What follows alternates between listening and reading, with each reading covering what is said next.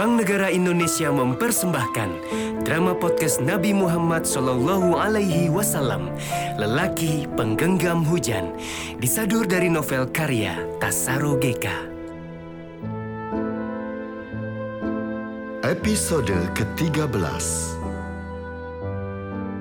Pada kisah yang lalu diceritakan, Kasfa bersama rombongan kecilnya masih menetap di desa perbatasan. Kasfa baru saja berbincang-bincang dengan Gali, orang yang sangat dihormati oleh penduduk perbatasan. Sementara itu di Madinah, seusai sholat berjamaah, Umar bin Khattab menghampiri sang Rasul yang menjadi sahabat dan orang yang sangat disayangnya. Ya Rasulullah, kami melihat seolah-olah engkau menanggung penderitaan yang amat berat. Sakitkah engkau ya Rasul? Wahai lelaki kekasih Tuhan semesta alam, engkau memandang Umar sahabatmu sembari menggeleng dan berkata, Tidak wahai Umar, Alhamdulillah aku sehat. Mengapa setiap kali engkau menggerakkan tubuh, seolah-olah sendi di tubuhmu bergesekan? Kami yakin engkau sedang sakit ya Rasul, karena wajahmu terlihat sedikit pucat hari ini. Karena merasa jawaban tidak atau aku baik-baik saja, sudah tidak mencukupi bagi Umar.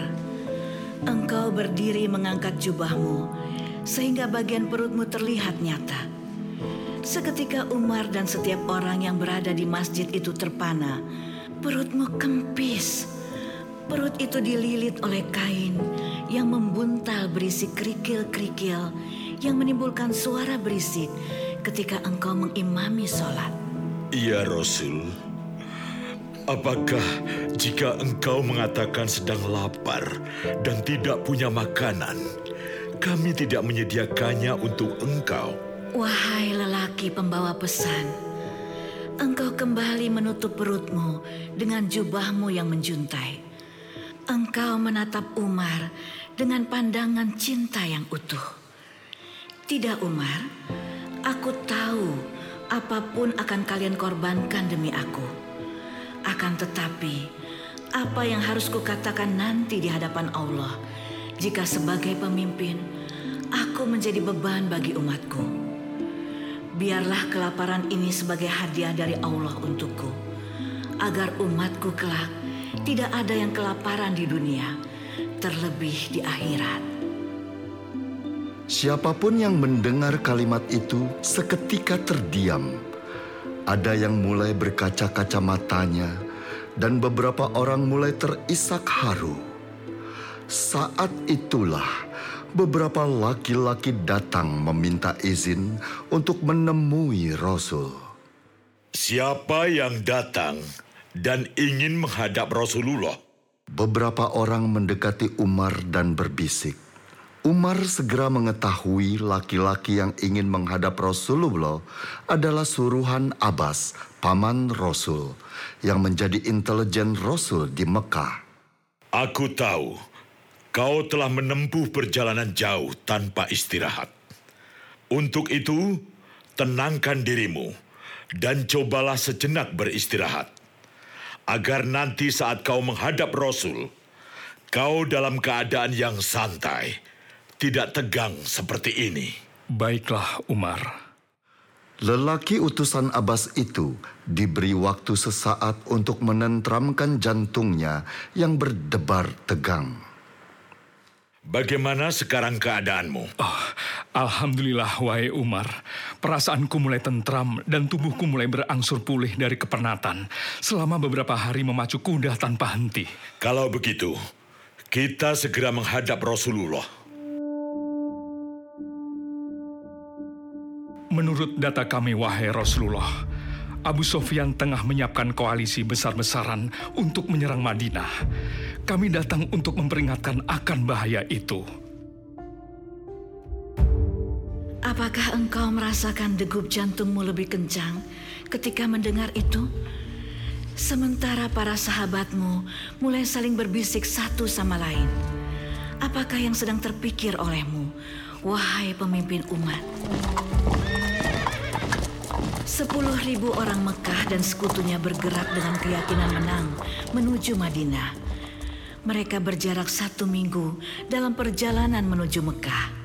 Perang besar akan segera berkobar.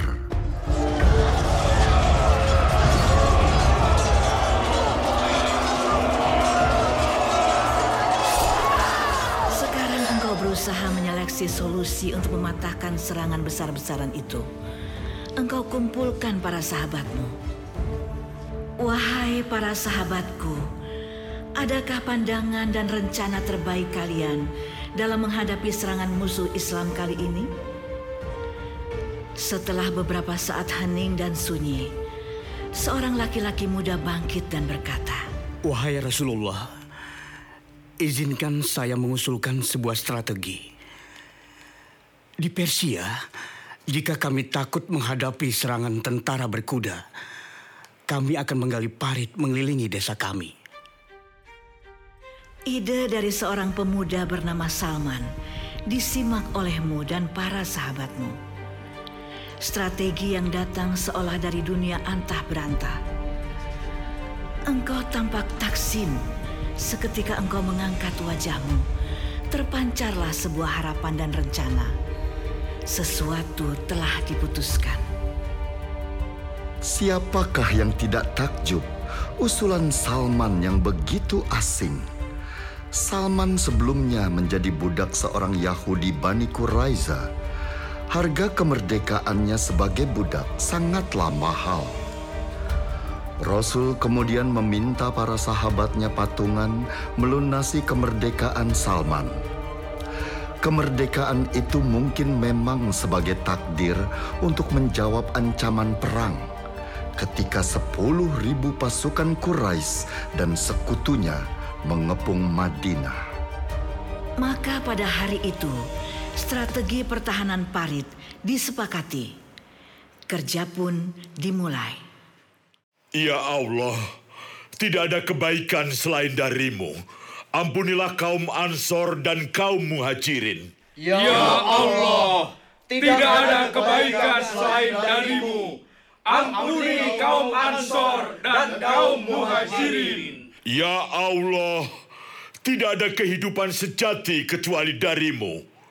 Lindungilah kaum Ansor dan kaum Muhajirin. Ya Allah, tidak ada kehidupan sejati kecuali darimu. Lindungilah kaum Ansor dan kaum Muhajirin. Di antara para pengikut Rasulullah, Salman menjadi bintang. Setiap orang melihatnya berdecak kagum. Bekas budak dari Persia itu bertubuh seperti patung dewa Yunani. Ototnya menonjol oleh kerja fisik bertahun-tahun selama menjadi budak orang Yahudi. Otaknya cemerlang, taktis, dan tahu cara mengambil keputusan yang tepat. Salman itu orang kami. Bukankah kami sama-sama datang dari Madinah? Mana bisa begitu? Dia orang Ansor seperti kami. Dan kami tahu asal-usulnya. Jadi kami lebih berhak terhadap dia dibandingkan kalian. Saat itulah ketika Rasulullah sedang berpatroli, melihat pekerjaan penggalian parit itu, dia mendapati para pekerja Ansor dan Muhajirin sedang berdebat. Apa yang kalian sedang perdebatkan? Engkau tersenyum dan mendatangi para pengikutmu yang sedang berdebat itu. Kedua orang itu terdiam merasa tidak nyaman. Tidak mungkin mereka mengulang perdebatan semacam itu di depan Rasulullah. Salman adalah anggota kami. Dia adalah ahlul baitku. Mengertilah kedua orang pengikutmu itu bahwa Salman adalah bagian dari semua keluarga Muslim. Tidak ada yang bisa mengklaim terhadap kedekatan Salman. Dua-duanya menang. Salman milik semua. Ada yang celaka! Ada yang celaka! Siapa yang celaka? Siapa yang celaka? Jabir, Jabir, Dia tertimpa dan tergencet batu besar. Di sebelah mana kejadiannya? Di sebelah timur galian parit, di ujung oase. Ayo, kita ke sana. Ayo. Cepat, ayo. Dibantu, ayo. Engkau bersama dengan para sahabatmu yang lain segera bergegas mendatangi pusat keributan. Seorang laki-laki bernama Jabir menjerit-jerit kesakitan karena tubuhnya tertimpa batu dan tergencet. Ayo, ayo, angkat batunya. Angkat. Ayo, ayo cepat, cepat. Tambah sekop lagi. Tambah sekop lagi. Ayo, ya. ayo, ayo, ayo. Cepat, cepat. Ayo, ayo. Hati-hati, Ya. hati-hati. Cepat, cepat. Skop itu, Ayo, skop itu bisa melukai Jabir. Jadi harus bagaimana ini? Ayo, ayo. Sebentar, coba kalian minggir. Iya, iya. Biarkan Rasulullah mendekat ke Jabir. Ayo. Engkau meminta untuk diambilkan air dengan nada jelas, walaupun tidak berteriak, memecah kepanikan orang-orang itu. Apakah yang engkau lakukan terhadap air itu? Engkau seperti membisikkan doa, lalu menyiramkan air tadi ke sekujur batu yang menimpa Jabir. Sementara Jabir menahan jeritannya agar tidak terlalu histeris. Ayo, ayo, ayo, kita tolong. Ayo, ayo, ayo, cepat. Ayo, Kita coba lagi mengangkat batu ini. Iya, angkat pelan-pelan, pelan-pelan ya. Tahan skopnya. Tahan. Ayo, ayo, sedikit lagi, sedikit lagi. Pelan saja. Ayo. Satu, dua, tiga.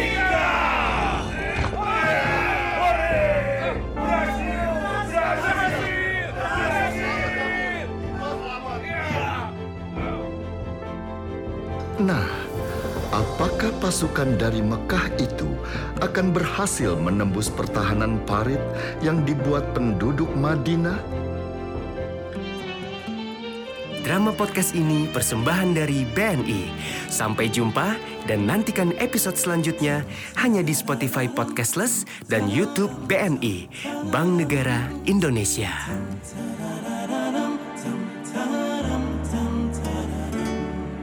Gelisahmu hanyutkan mentari hatiku Saat aku letakkan Bintang dalam genggamanmu. Dan akankah menjadi rasa yang layak Untuk kau daki bersama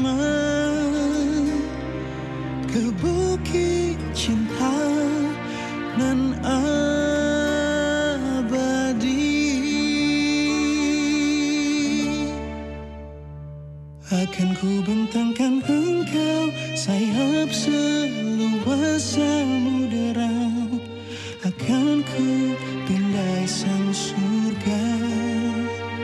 Dalam nyanyian bintang hanya untuk menjadi Setitik rindu di hatimu. Dan mungkinkah menjadi rasa yang nyata untuk kau genggam bersama.